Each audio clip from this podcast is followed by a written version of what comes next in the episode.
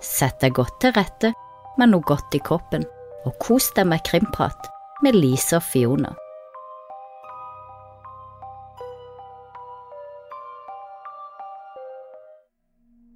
Bjørn Olav Jahr ble for alvor kjent da han i 2003 vant SKUP-prisen, Norsk pressepris for fremragende og undersøkende journalistikk for opprullingen av Finanskredit-saken, og i 2005 ga han ut bok om samme sak.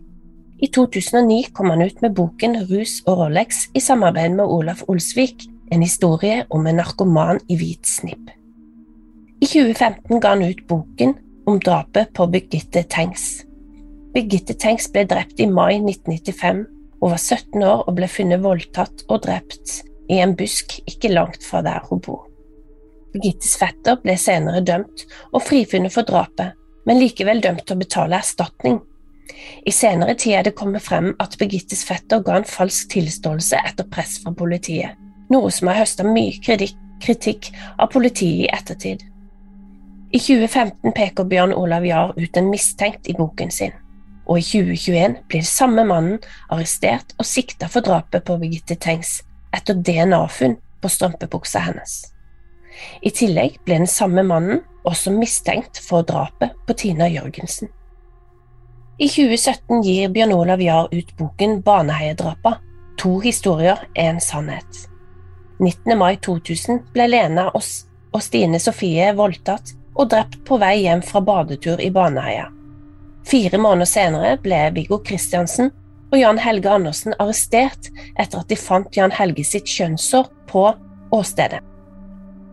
Jan Helge hevdet at Viggo hadde tvunget ham med, og at Viggo gjorde det meste alene. Viggo har på sin side alltid hevda sin uskyld, og har siden 2008 forsøkt å få saken gjenåpnet. Boken mottok både ros og kritikk, og mange ble opprørt over boka og at den hele tatt ble skrevet. Boka gir et nytt innblikk i saken, og man kan lese direkte fra avhørene av Jan Helge Andersen og Viggo Kristiansen. I boken sår Jahr tvil om Jan Helge sin historie. I februar 2021 får Viggo Kristiansen saken sin gjenåpnet. En ny etterforskning er i gang og går nå mot slutten. Og nylig ga Bjørn Olav ut sin siste bok som omhandler prosessen mot Viggo Kristiansen og den motstanden han har møtt i sin forsøk på å få saken gjenåpnet. Og nå de siste dagene har det kommet frem nye undersøkelser som har gitt nye DNA-treff på Jan Helge Andersen, og ingen nye DNA-treff på Viggo Kristiansen. Vi har intervjua Bjørn Olav Jahr om bøkene han har skrevet, og litt om de nyeste opplysningene som har kommet ut i media om Baneheia-saken. Intervjuet er gjort over telefon, så derfor er lyden litt så som så. Men her er intervjuet med Bjørn Olav Jahr.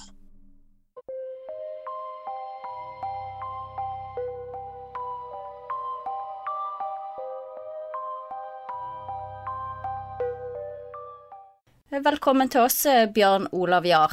Eh, du har jo skrevet bok om eh, Birgitte Tengs-saken og Baneheia-saken. Eh, hvorfor har det vært viktig for deg å skrive disse bøkene, og hva er din drivkraft som forfatter?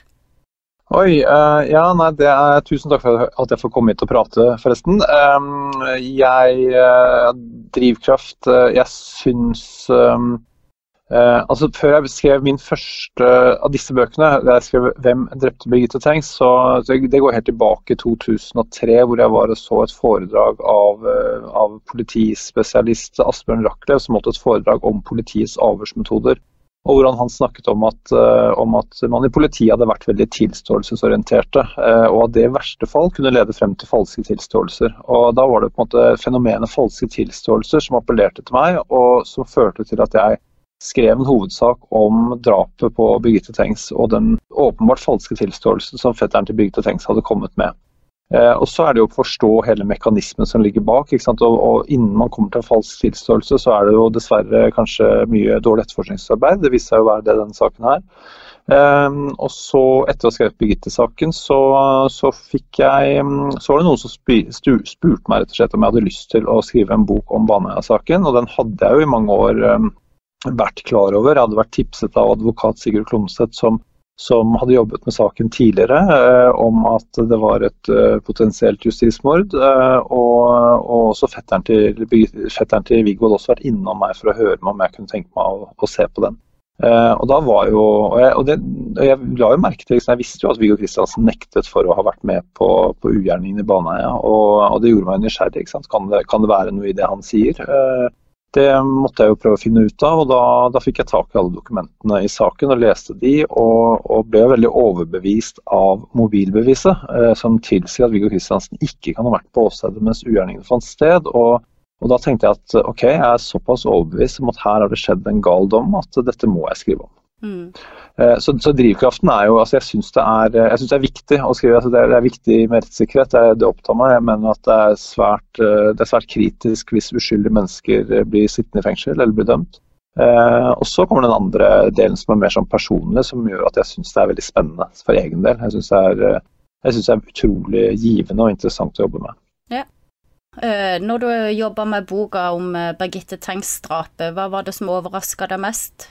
Ja, nei, Det overrasket meg veldig hvordan de kunne havne på fetteren til Birgitte Tengs. Hvordan det kunne være at de, at de valgte å ta ut en, en siktelse mot han på, på, det som var helt åpenbart syltynt grunnlag. Eh, og, og, og, hvordan jeg ser at, at det fremstår som om de var mer opptatt av å ta en gjerningsmann enn å ta gjerningsmannen. Uh, og, og, alt hva man har latt være å etterforske den saken. Og, altså jeg, jeg, tror kanskje det som overrasket meg mest, var hvor, hvor håpløst uh, politiarbeidet var i den saken. Um, og Det ser man jo i dag også. At uh, Den mannen som i dag er siktet, og som man, har, som man mener man har tilnærmet fellende DNA-bevis på, og, og, som var en åpenbar moduskandidat, han ble jo allerede tipset om til politiet fire dager etter drapet på Birgitte Tengs. Eh, så var det psykologen hans som han hadde forsøkt å kvele, som tipset om at, eh, om at eh, her har vi med en farlig mann å gjøre, rett og slett. Og politiet lar være å ta ham inn til avhør. Det går syv måneder før de tar ham inn til et avhør som ikke er spesielt skarpt. Og så og så står de allikevel igjen til slutt med han og fetteren til Birgitte, eh, og, velger da å legge han til side eh, og gå for Birgittes fetter. og Det er jo helt uforståelig. Altså er, selv, om jeg, selv, om jeg, har forsket på dette her i mange år og, og lest tusenvis av dokumenter og skrevet en bok og lagd en TV-dokumentarserie om det, så kan jeg fortsatt ikke forstå at de kunne ende på den avgjørelsen. Så det er, eh, ja, det er kanskje det som overrasker meg mest, hvor irrasjonelle disse beslutningene har vært og hvor stor tro de har hatt på seg selv. Eh, og, og, og der har jeg jo ennå ikke funnet liksom svaret om har de virkelig trodd at det var fetteren alle mann, eller er det noen som bare har tenkt at nå må vi få løst denne saken. Og det, det, det vet jeg har jeg ikke noe svar på. For I boka så peker du ut eh, den mannen som nå er arrestert og sikta for drapet på Birgitte Tengs. Eh, han er jo også mistenkt for drapet på Tina Jørgensen, så hvilke tanker har du gjort deg rundt det? Hmm. Uh, nei, altså jeg, jeg, husker jeg sa, jeg uttalte det da, da, han ble arrestert, så sa jeg at, var, at, jeg er veldig lettet over at det var han som ble arrestert. Uh, og Det er fordi, fordi, utfordringen med når jeg skulle skrive den boken, var jo at jeg måtte jo altså En ting er at jeg er overbevist basert på sakens dokumenter om at Birgitte Tengs sin fetter er uskyldig, men, uh, men, hvem kan det da være hvis det ikke er ham? Og, og jeg kan jo ikke drive og peke på altfor mange, for det, for det sannsynligvis så er det bare én. og det er veldig trist og kjipt å peke på folk som ikke har gjort det. Eh, men, men denne mannen som i dag er siktet, han, han, skilte seg ut på den måten at han, han illustrerte veldig godt politiets manglende arbeid. Eh, så, så, det har på en måte vært min, min eh, misjon ved å peke ut han. Eller mer enn å peke ut han, så har jeg ønsket å illustrere politiets elendige etterforskning ved å bruke ham som et eksempel. Mm. Og så kan man jo si at det var litt heldig eller litt dyktig ved at det var akkurat han jeg plukket ut. Mm. Men han skilte seg ganske godt ut i jorda. Hadde du tenkt på han i forbindelse med Tina Jørgensen, eller kom det som en overraskelse når han ble arrestert? Nei, det, jeg, nei, jeg husker da, jeg, da vi skrev boken, da jeg skrev boken om Birgitte Tengs-saken, så hadde jeg tenkt å skrive noen avsnitt jeg hadde jeg opprinnelig noen avsnitt om han opp mot Tina Jørgensen-saken. For jeg visste jo at han hadde vært i, i, i Stavanger den helgen Tina Jørgensen ble drept. Eh, at han har kjørt alene rundt den kvelden hun ble drept. Eh, og fortsatt så har han dette moduset han har, hvor han angriper kvinner mens han selv er i seksuelt opphisset tilstand, og hvor han både kveler og slår. Eh, så det er klart at, at en farlig mann løs i Stavanger den, den, kvelden kan jo få en til å tenke, men, men jeg tenker jo også at at mistanke er, er, det all grunn til å ha, men, men om det er nok altså Man har ikke noe bevis utover det. Så, så jeg, jeg, ikke, jeg, tenker jo ikke at han nødvendigvis ligger an til å bli dømt i Tina-saken. I hvert fall ikke sånn som det er i dag. Mm. Og i 2017 så kommer du da med boka 'Drapene i Baneheia', to historier, én sannhet. Ja. Eh, var det et avgjørende punkt eller øyeblikk som, hvor du bestemte deg for å, for å skrive den boka? Ja, det kan si det, det, avgjørende øyeblikket var da jeg fikk tak i alle dokumentene i saken og begynte å lese meg opp, og, og, og kommer da, da, til mobilbeviset, eh, som, som, jeg tenker er helt ubestridt. Altså, som, som, jo viser at eh, Viggo Kristiansen har omfattende mobiltrafikk over en basestasjon som, som, eh, eh, kommuniserer med hans hjemsted, eh, men som på ingen måte kan kommunisere med åstedet. Og da tenker jeg sånn, Enten så, så satt på spissen her, eller sånn som realiteten faktisk er, så er det sånn skal jeg stole da på Jan Helge Andersens forklaring om at Viggo Kristiansen var med, eller skal jeg stole på mobiltrafikken som viser at han ikke kan ha vært med. Uh, og jeg, da, jeg, tenkte at uh, det her er det jo mye som tyder på at det er grunn til å stole på mobilbeviset og ikke på Jan Helge Andersen. Og Så var det å begynne å gå inn i, inn i hva, er det, hva er Jan Helge Andersen faktisk forklarer, og hva er det som ligger i det som ble det styrende beviset i saken, nemlig at det skulle være sikre bevis for at det var to gjerningsmenn, uh, ble det hevdet. Og det, det, var også veldig interessant å gå inn i. ikke sant? Man har et DNA-bevis som som blir hauset opp til å være stort og sikkert og, og, fellende bevis, og som man i virkeligheten ser at det er egentlig next to nothing. Altså det er ingenting. Eh, og, og, så har man et mobilbevis som, som åpenbart skulle være frifinnende, og så, og så blir det pulverisert. og så har man Jan Helge Andersens forklaring som blir tilpasset og knadd i samarbeid med politiet, eh, og som ender jo da opp med at, eh, at man sier at det støtter opp under DNA-beviset. Så liksom, DNA-beviset og Jan Helge Andersens bevis, forklaring, blir til sammen så sterkt bevis, mener de, at eh, mobilbeviset kan bare legges til side. Og og hvordan det kan skje, og liksom fenomenet, prosessen rundt det, det syns jeg var kjempefascinerende. Og så tenker jeg på, og så var det tittelen på boken som blir jo da to historier, én sannhet, som, er, som kommer bare rett og slett av at, av at, det er to historier. Viggo Kristiansen forteller en historie, er den plausibel? Jan Helge Andersen forteller en historie, er den plausibel? Og så, og så vet man jo alle hvilken historie man trodde på, nemlig Jan Helge Andersens historie. Og så setter jeg disse to historiene opp mot hverandre. Og det pussige, eller det er ikke pussig i det hele tatt, men, men, det som er eh, det sjokkerende, kan man si, da, det er at eh, Viggo Kristiansens historie passer påfallende godt med mobilbeviset, som forteller at han kan, må ha vært hjemme mens ugjerningene fant sted. Og at, ikke, at ikke noen var opptatt av det mens rettssakene gikk, og at eh, ja, det er veldig underlig. Med, altså, det er veldig underlig. For du sier jo at det var mobilbeviset som hovedsakelig gjorde at du ble interessert i saken og følte at dette kunne skrive om. Men etter hvert som du dykka ned i dokumentene, var det noen andre eh, opplysninger, øyeblikk, som fikk deg til å tenke oi, vent nå litt. Eh, ja, kanskje Viggo snakker sant likevel, da, som ikke gikk på DNA eller mobilbeviset? Ja, altså jeg syns jo, jo, forklaringen til Viggo Kristiansen er helt tilforlatelig. Han sier jo at han låser seg ute av sykkelbua, at han, eh, at han trenger reservenøkler som Jan Helge har. Han drar hjem, han drar inn til seg selv, og det er verdt å merke seg. liksom. Altså, som jeg tenker at Det kan jo godt bety at mobiltelefonen ligger igjen i bua. da. Han ringer fra fasttelefonen sin for å få tak i Jan Helge, for å snakke med faren hans og sier at Jan Helge har dratt opp til Baneheia for å jogge. og Han sykler etter og, og, får tak i Jan Helge og forteller da at han får nøklene av Jan Helge etter hvert, og at han sykler tilbake og at han låser seg inn i bua og fortsetter å mekke på sykkelen sin.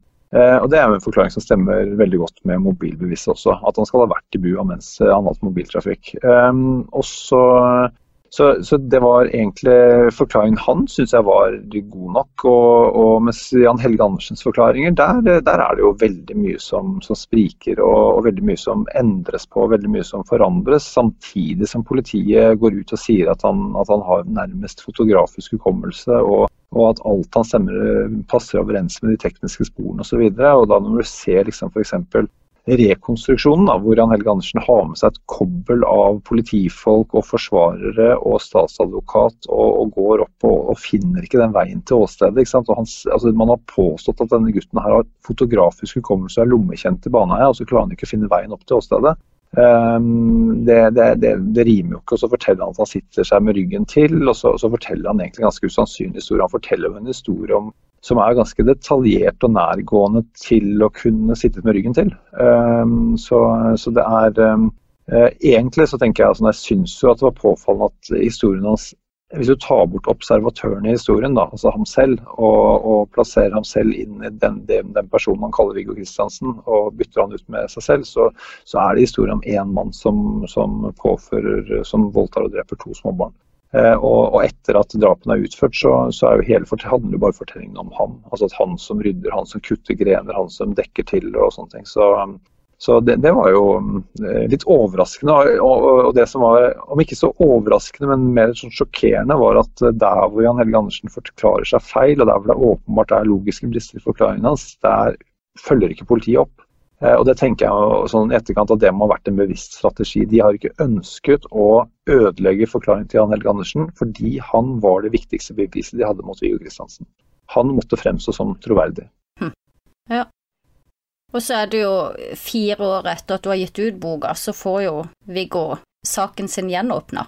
Ja. Eh, hva tenkte du da? Ble du overraska? Uh, ja, det, det, er jo sånn rart, for det, det, var en jeg har jobbet mye opp mot, som sendte meg en melding hvor han skriver at uh, så sjokkerende og så naturlig på en gang. Um, og, og, det er det jo altså sjokkerende eller overraskende er det jo fordi den har fått avslag hadde, Han hadde fått avslag fire ganger tidligere, de har klaget på avslagene to ganger, og, og, hadde, og det var også ført en rettssak mot Gjenopptakelseskommisjonen. Så, så, det var jo nei på nei på nei. Og, klart den nye begjæringen, Det er jo ikke sånn at på, på den femte begjæringen at du nødvendigvis klarer å komme opp med mange nye bevis. Det var jo gjort uh, nye nye vurderinger av mobilbeviset f.eks., men, men er det tilstrekkelig? For fortsatt så kan jo kommisjonen si at det er ikke noe nytt, som de jo hele tiden har sagt eh, når man har forsøkt ellers å ta den opp. Eh, så så at den skulle bli tatt opp, den um, jeg mener at Det var åpenbart, den skrek jo etter å bli tatt opp. for Den var jo sånn overklar for det, men, men det har den jo vært tidligere også. Så,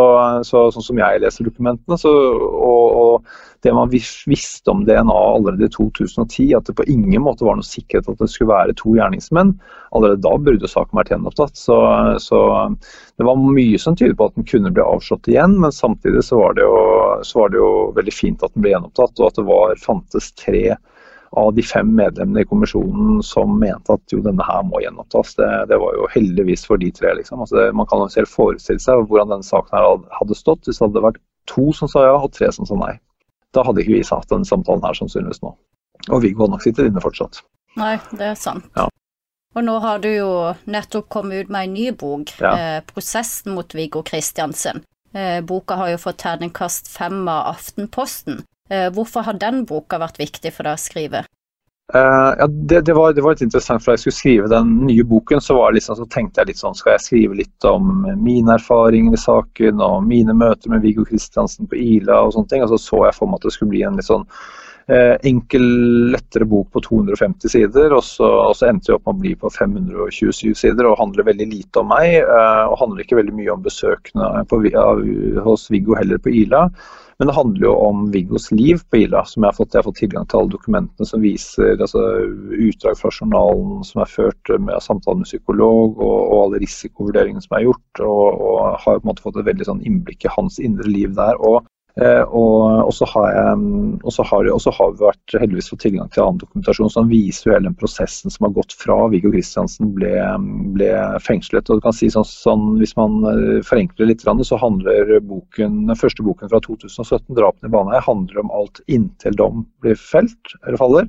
Og, alt, eh, og, denne boken her handler om, i, i, hovedsak om alt som skjer etter at dommen er falt. og Det handler om altså, kampen for å få saken gjenopptatt og, og bli løslatt. og og um, du kan si Han begynner jo eh, i våren 2008, så tar han kontakt med advokat Sigurd Klomsæt. Og så er jo den første begjæringen ferdig eh, høsten 2008. Og så jobber man jo videre frem til den utover et par, par års tid. Men du kan si Kampen for gjennomtakelse begynner jo allerede da i 2008, og det tar jo da 13 år før han får saken gjenopptatt. Så så det er en lang og seig kamp, eh, og, og, det har vært så mye motstand. og det er liksom, altså den, den, motstanden som har vært, som er så institusjonell og som er så kraftig, og som, og som ikke bare er motstand fra Gjenopptakelseskommisjonen, men også alle mediene som, som, på ingen måte ønsker denne saken er gjennomtatt. Så, så det, man kan ha en sånn konklusjon med å være at det ikke er ikke lett å være uskyldig dømt i Norge. Det vil jeg vil jeg ikke fristet noen å bli. Altså når du har jobba med den boken, prosessen, har det gjort deg mer skeptisk til den norske rettssikkerheten? Tror du prosessen er unik for Baneheia, eller er det et problem uh, generelt i systemet vårt? Ja, Det er et veldig godt spørsmål. Uh, jeg, jeg, husker jeg, det, jeg skrev om og rullet opp den Norges største finansskandale i sin tid i 2001-2002 om Finance Credit. Og, og, da husker jeg det var to, to karer som, som, svindlet norske banker for til sammen 1,4 milliarder norske kroner. Uh, og ja, det var heftig. Og, og, men så skjønte jeg jo etter hvert at det var ikke bare de to gutta som på en måte sto bak det. Det hadde de jo på en måte fått god hjelp til fra bankene selv også. Uh, og det, var, det, var, mange ting å sette, sette, fingeren på i den saken her, og veldig mye å, å grave videre i. og Jeg husker at Økokrim skulle da komme inn, i, komme inn i saken, og jeg var så glad for jeg tenkte at nå skal Økokrim avdekke masse. Og så skjønte jeg etter hvert at nei, det skal de ikke, de skal tildekke masse. Eh, for det handler jo rett og slett om damage control. Altså man ønsker jo ikke måte, at tilliten til norske banker skal kollapse. Og det kan jeg jo forstå, eh, samtidig som, eh, som, min iver var på en måte at, at alt skulle opp og frem. Men, men det skjer jo sjeldent. så, så jeg, har jo, jeg, har jo, skjønt også at at når, når Baneheia-saken når den har uh, rullet og gått, og, og, nå forhåpentligvis får en avslutning, så, så, er det ikke sikkert at vi får vite alt som har skjedd. kan du si. Det er tvert imot. Men, men jeg tror gjennom boken min, nå, nå, særlig nå siste boken, så tror jeg vi får vite veldig mye om hva som har skjedd i kulissene, og hvor vanskelig den kampen har vært. Og, og det, har, um, det har ikke overrasket meg så mye, men det, det, er jo litt nedslående. Det er det. Mm. Men det er jo veldig fint at det har gått. Det er jo ja. at man slåss litt mot vindmøller og at, det er against all odds osv., men, mm. uh, men det har lykkes til slutt, da. Ja. Og når vi gjør dette intervjuet her, så er det jo bare et par dager siden så kom det jo fram uh, at det er gjort nye funn, DNA-funn av Jan Helge på Lena Sløgdal. og det er ikke gjort noen nye DNA-funn av Viggo Kristiansen. Er du overrasket over det, og hvilke tanker gjør du det? Nei, altså jeg er ikke overrasket. Det er, jo, det er jo slik jeg har forstått uh, saken også, at Viggo Kristiansen er ikke på åstedet. og Da er det ikke så unaturlig at man heller ikke finner noe spor fra ham. Og, så, så, og, og Det riktige er at det er ikke funnet noe DNA-funn fra Viggo Kristiansen nå. Det er heller aldri funnet noe DNA-funn fra Kristiansen tidligere. Eh, men man har funnet DNA-funn fra, fra, Jan Helge Andersen før, og nå fant man det igjen i ganske stort monn. Og, og, Det som er litt interessant, er jo at uh, de sendte også inn, eh, inn DNA-materiale til analyse i 2018 i Sverige uten å få noen resultater. Eh, og Da har de sannsynligvis ikke sendt inn så mye. Eh, og Så kan man jo stille seg spørsmålet hvorfor har de ikke sendt inn alt. Altså, det sier jo litt om viljen det også. Jeg tenker at Nå har det vært en vilje til å virkelig ta tak og gjøre analyser og, og, få, få, analysert alt på nytt igjen. Eh, mens eh, mens allerede i 2008 så ba jo advokat Sigurd Klomsæt om at de analyserte DNA på nytt, eh, og fikk jo bare nei og motbør på det hele veien. Så det er klart at um, ja, teknologien hadde ikke kommet så langt da, men, men, hva kunne man klart å finne ut på tidligere stadie? Og, og, måtte man vente helt til 2001 for å få de resultatene man i dag har fått? da. Men det er veldig bra. Bedre sent enn aldri. Ja, for det er jo mange som lurer på Eh, altså, kunne de fått disse DNA-analysene allerede den gang, i 2000?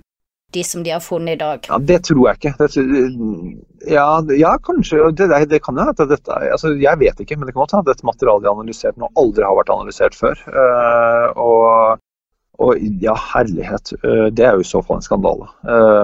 En veldig skandale. Mm. Så, så, det veldig, blir veldig interessant ja, nå fremover. Blir... Når, det, når, når ble dette DNA-materialet sist forsøkt analysert? da?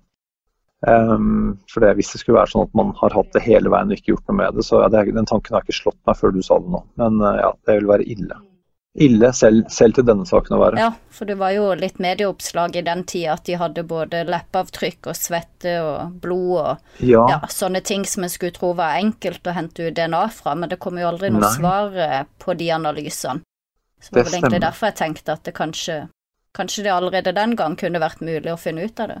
Ja, det er interessant. Det må man prøve å finne ut av. Det, det, det ville vært veldig interessant, ja. Det syns jeg. Det, det, bør noen kunne svare på. Ja, det kommer vel forhåpentligvis fremme etter hvert. Ja, får, får vi håpe. ja. ja.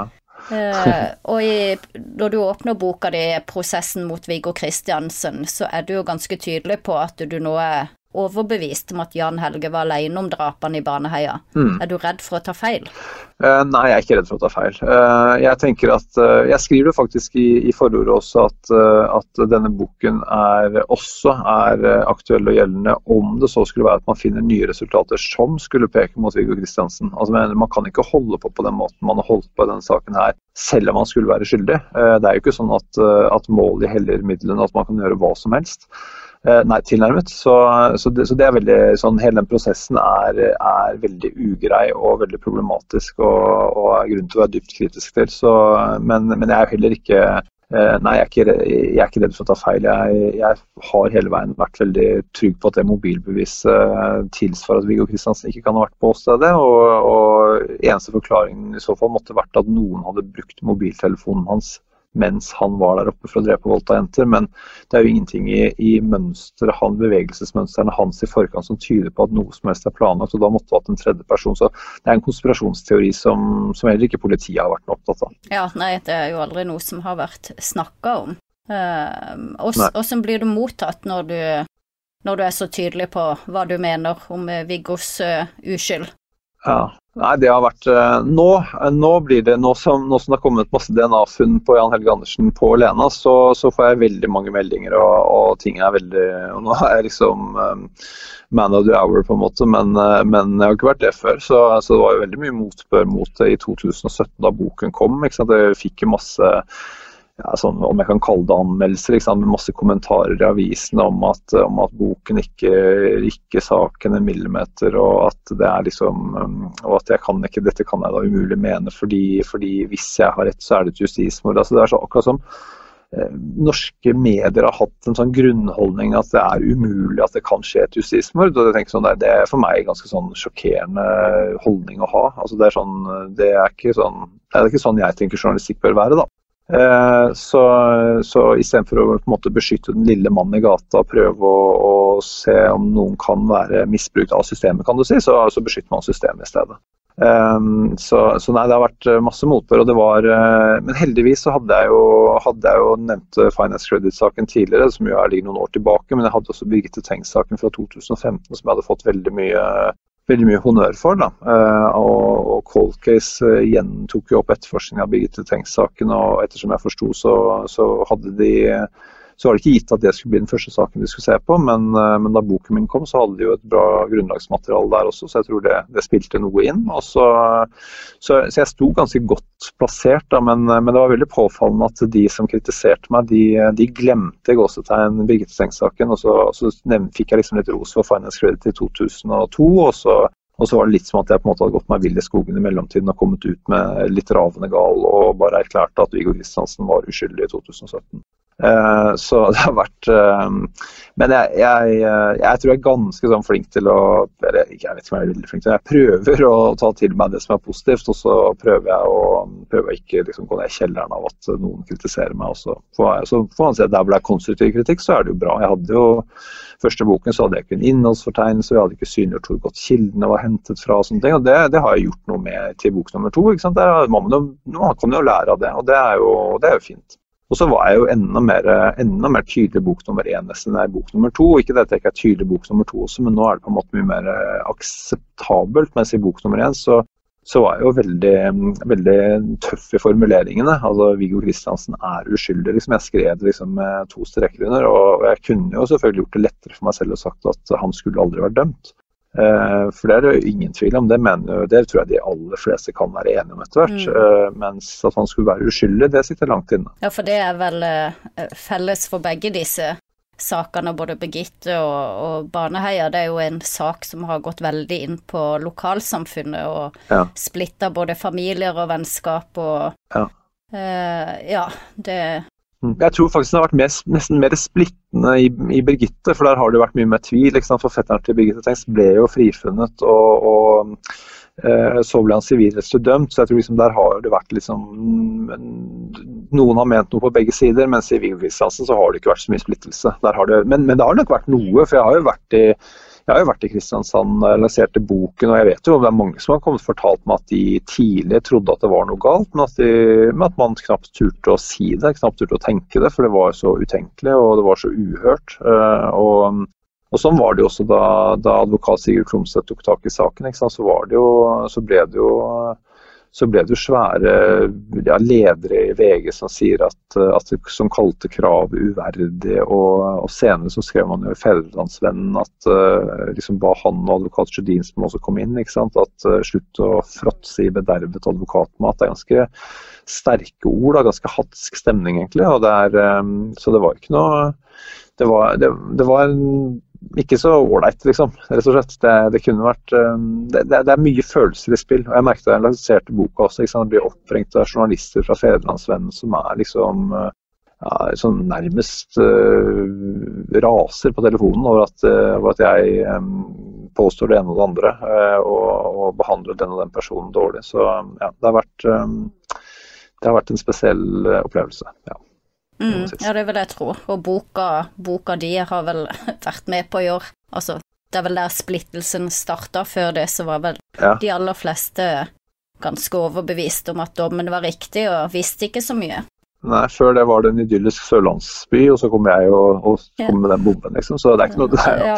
Nei, det er, det, er, um, det er, ikke så greit. Men uh, det er viktig. Og jeg tror jo at uh, man får litt inntrykk av, sånn er det jo kanskje med de fleste saker, at jo nærmere man kommer liksom stedet, jo mer betent er det jo naturligvis. Det er lettere å sitte i Oslo og ha et litt mer distansert forhold til Baneheia-saken enn det er å være i Kristiansand og ha det. Så jeg opplever at frontene er steilere i Kristiansand enn andre steder. Mm. Ja, det er nok lettere for en utenforstående å snakke om saken kanskje enn for de som, som bor midt i det. Ja. Uh, uh, bøkene dine, hva er det viktigste budskapet som du ønsker at leseren skal ta med seg fra bøkene? Uh, ja, Det er sånn ganske, det er et fint spørsmål og greit å svare på. Det tenker at man, at man må ha, altså Jeg oppmuntrer til kritisk tenkning. da. Altså Både å ikke tro på alt du leser, ikke tro på alt du blir servert, uh, og, og gjøre deg opp uh, og tilegne deg kunnskap og gjøre deg opp mening basert på det. Og da tenker jeg sånn, Folk må gjerne være kritiske til boken min også. Det er nå nylig leste på, på en av disse Facebook-sidene om Baneheia, så var det, en, var det en kvinne der som skrev at hun, hun var fortsatt overbevist om at Viggo Kristiansen var skyldig, men hun syntes at det var en solid bok. Uh, og det, det, kjenner jeg på at det kan jeg like å lese, liksom, for, det, for det, da, da, fall, da respekterer hun det åpenbart hvert fall, og, og, prøver å tilegne seg kunnskap. Og, og, at hun fortsatt mener det hun mener, det får hun jo bare lov til å gjøre. Men, uh, men, for det er viktig at folk får lov til å mene det de skal. Men jeg tenker at, uh, at, det er så bra når folk vil la seg opplyse. da. Um, så det har vært, Jeg syns det er mye mer interessant å prate med folk om en sak som dette, som faktisk har gjort noe for å opplyse seg om den, da, og ikke bare henge fast i gamle fordommer. Uh, og så syns jeg det er veldig spennende å, å se liksom sånn apropos fordommer. Det er veldig spennende å se hvordan det, det, det, var en sånn TV 2-sak med Viggo Kristiansen hvor han skulle ha glist. ikke sant? Og hvor det ble veldig sånn sementert som at han var en grusom dobbeltdrapsmann og sånne ting, fordi han hadde glist da han fikk domsslutningen. Eh, også I virkeligheten så, så, så, så, ser man man ser det klippet på nytt, så, ser det jo ikke ut som han gliser så veldig lenge. Og, og han er ganske forbanna når han går ut. Liksom. Han har en egentlig ganske sånn adekvat reaksjon, tenker jeg. da. Men, eh, men, jeg tror sånn alle som så det klippet i sin tid, fikk liksom fortalt nå skal du få se monsteret glise. Ja. Og da, da, er det det man ser, da. Det er helt sant. Så det er, det er veldig spennende hva som, mm. hvor psykolog, altså, psykologien i det. da. Mm. Ja, ikke minst hva man leser i media og bilder som blir skapt der, da. Ja, veldig. veldig. Mm.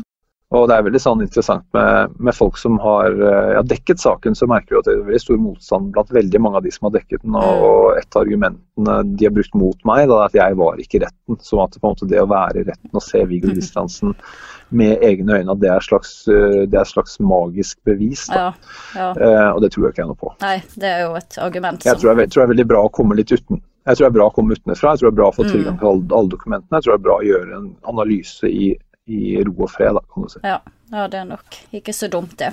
Nei.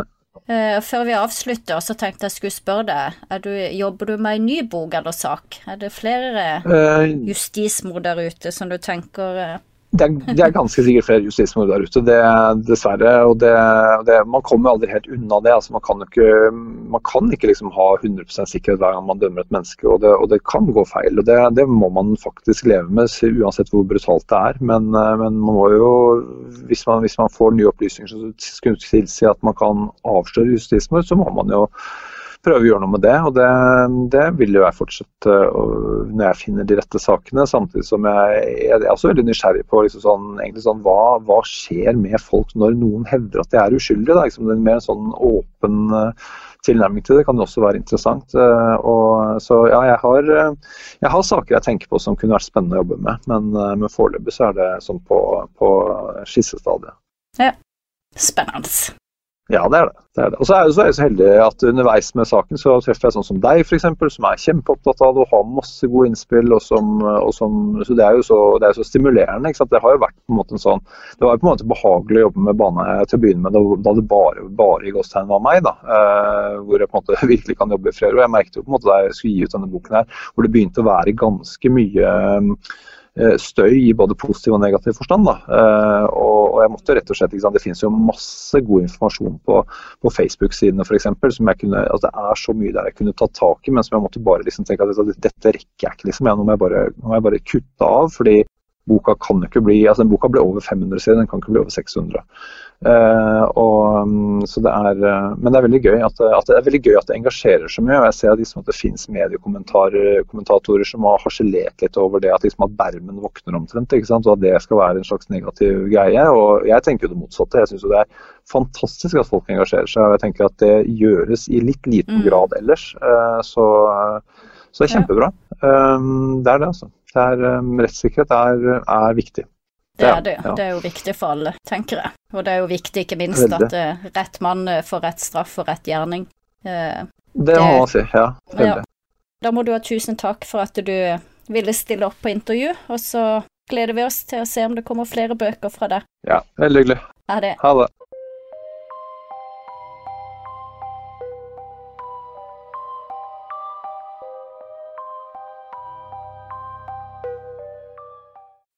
Ja, Lise, det var et flott intervju mhm. med Bjørn Olav Jahr. Veldig interessant å høre hans tanker rundt de her bøkene han har skrevet, og ikke minst Baneheia-saken, mm. som nå er oppe i vinden. Det er jo blitt funnet eh, nytt DNA, eh, eller iallfall eh, Altså, dette kan du mm. kanskje bedre enn meg, Lise, men de har hatt noe eh, DNA liggende som ikke har blitt undersøkt før. Eh, som nå er blitt funnet på kroppen mm. til Lena Sløgdal Pausen. Og eh, det stammer fra Jan Helge Andersen. Eller så vidt jeg kunne se at det må ligge i den familien, da. Mm. Det, det, er jo 27 markører som er funnet, eh, så det er et veldig sterkt DNA-bevis. Det er jo sånn du sier, enten er det Jan Helge sitt, eller så må det være noen i hans familie, da. Og siden man vet at han var på åstedet, så er det jo naturlig å tenke at det var Jan Helge sitt, og ikke noen andre i familien. Eh, det som er spesielt, er jo at disse prøvene har jo faktisk eh, ligget på frys, eh, ifølge Fevennen, helt siden år 2000. Og det er disse prøvene som nå har gitt seks DNA-treff på Lena. Og det har jo aldri før blitt funnet en fullverdig profil på Lena. Så, så det er jo ganske oppsiktsvekkende, tenker jeg, at at ikke de ble undersøkt allerede den gang, da i år 2000. I hvert fall når man ser hvor mye treff det har vært. Eh, TV 2 skriver jo at det er gjort funn eh, inni munnen på Lena, altså på tunga, eh, på høyre hånda og et sted på intimområdet, da. Sånn at DNA-en de har, bekrefter jo også at han har misbrukt Lena, da. Noe han alltid har nekta for. Og nå har jo Jan Helge sittet i avhør i flere dager og sagt mm. at han kan ha hatt blackout når dette har skjedd. ja. eh, og det går vel litt imot den forklaringen han har gitt tidligere, da han har sagt at han har sittet på en stein med eh, ansiktet vendt mm. eh, vekk fra det da angivelig Viggo gjorde. Men han kunne jo beskrive mm. i ganske detaljer hva han hørte og opplevde der. Um, så hvordan vil det påvirke? Mm.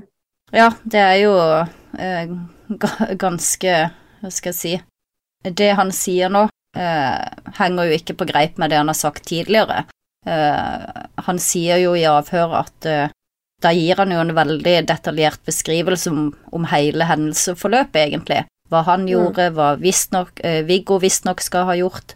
Eh, I tillegg så eh, fremhever jo også politiet i retten at eh, Jan Helge har en fotografisk hukommelse. Eh, det hørte vi også Jar prate Mm. litt om i intervjuet. Eh, sånn at det Og så må vi ikke glemme at dommen er jo mye basert på nettopp Jan Helges forklaring. Eh, Den er lagt til grunn, at hans historie er sann. Eh, Og nå Mm.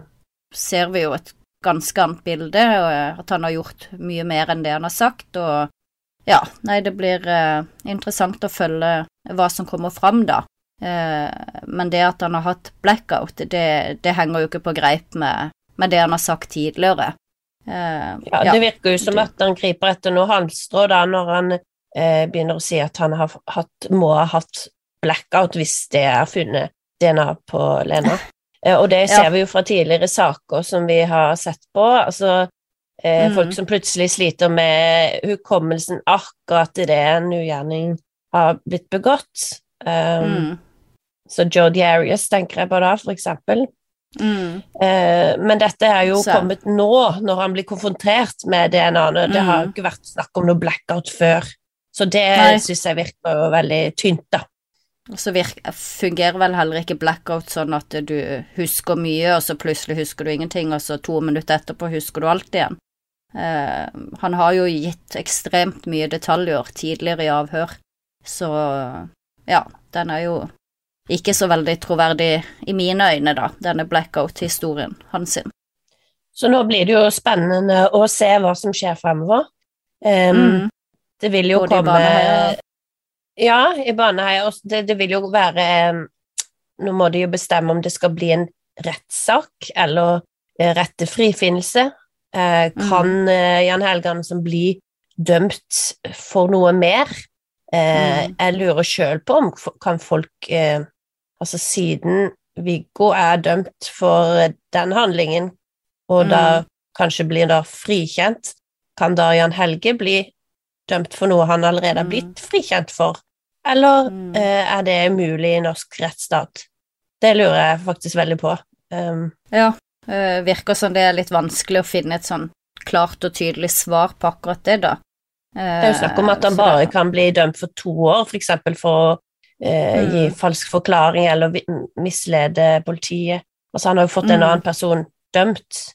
Eh, Det er, må jo være veldig alvorlig. Ja, altså vil du tro at hvis Viggo blir frifunnet nå, eh, Mm. og politiet i tillegg finner masse nye bevis da, som peker i retning at Jan Helge var alene, eh, så kan det jo være at de kan klare å, å åpne straffesak på nytt mot han da. Men eh, jeg ser at det, det skrives litt forskjellig om det, så tenker vi bare må se når den tida kommer, da. Men jeg tror nok de fleste tenker at hvis dette er sannheten, og at Jan Helge faktisk har vært alene, eh, så er det nok mange som forventer at uh, Jan Helge skal få en annen type straff enn den han har hatt, da. Uh, Og det at det kommer opp det at det kommer opp nye DNA-bevis, der alle, Mm. alle peker på Jan Helge, da syns jeg det Mm. fraværet av DNA fra Viggo uh, burde Mm. stille sterkere, da. Eh, Hvordan er det i hele tatt mulig, hvis det er avgitt så mye DNA som det nå er snakk om, at Viggo, som Mm. er hovedgjerningsmannen, ikke har avgitt noe DNA? Ja, ja, det er jo veldig suspekt. Og så er det jo også dette mobilbeviset som viser veldig tydelig at mobilen kan ikke ha vært på åstedet. Eh, selv om noen prøver å at det kan være usikkert og sånne ting, så er det, er det faktisk ikke det. Ekspertene er veldig tydelige at eh, mobilen ikke har vært på åstedet. Så Mm. det blir absolutt spennende å se framover, både i Baneheia-saken og også i Birgitte Tengs-saken.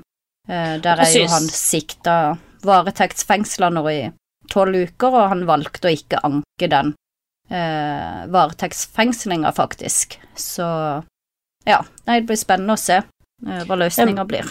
Jeg må jo bare si også det at eh, når du hører på Jar fortelle, det er veldig bra at man har noen, både journalister og forfattere, som Mm. tør å gå mot strømmen, eh, følge beviser, og da på en måte ikke gi seg med en sak.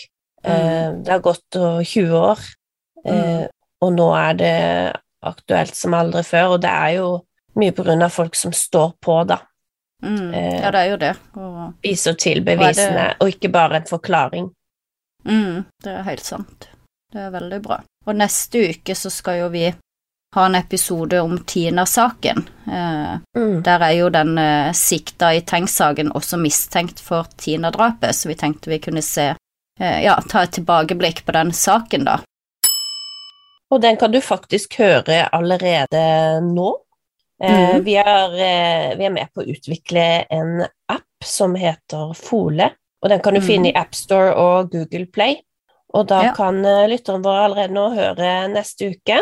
Eh, mm. Hver gang vi slipper på søndagen, så kan du gå rett inn på Folie og høre den neste episoden, eh, iallfall en stund fremover nå. Mm. Så, da er det mye bare... annet eksklusivt innhold også. Mm. Ja, så... etter hvert vil det bli det. Men hvis du nå ønsker å, å høre neste ukes episode allerede nå, så er det bare å laste ned Fole-appen også. Gå inn og lytte. Mm. Mm. Da ses ja, vi da... neste uke, eller plutselig på Fole. Ja, da høres vi. Har du et enkeltpersonforetak eller en liten bedrift? Da er du sikkert lei av å høre meg snakke om hvor enkelt det er med kvitteringer og bilag i fiken, så vi eh, gir oss her, vi. Fordi vi liker enkelt. Fiken superenkelt regnskap.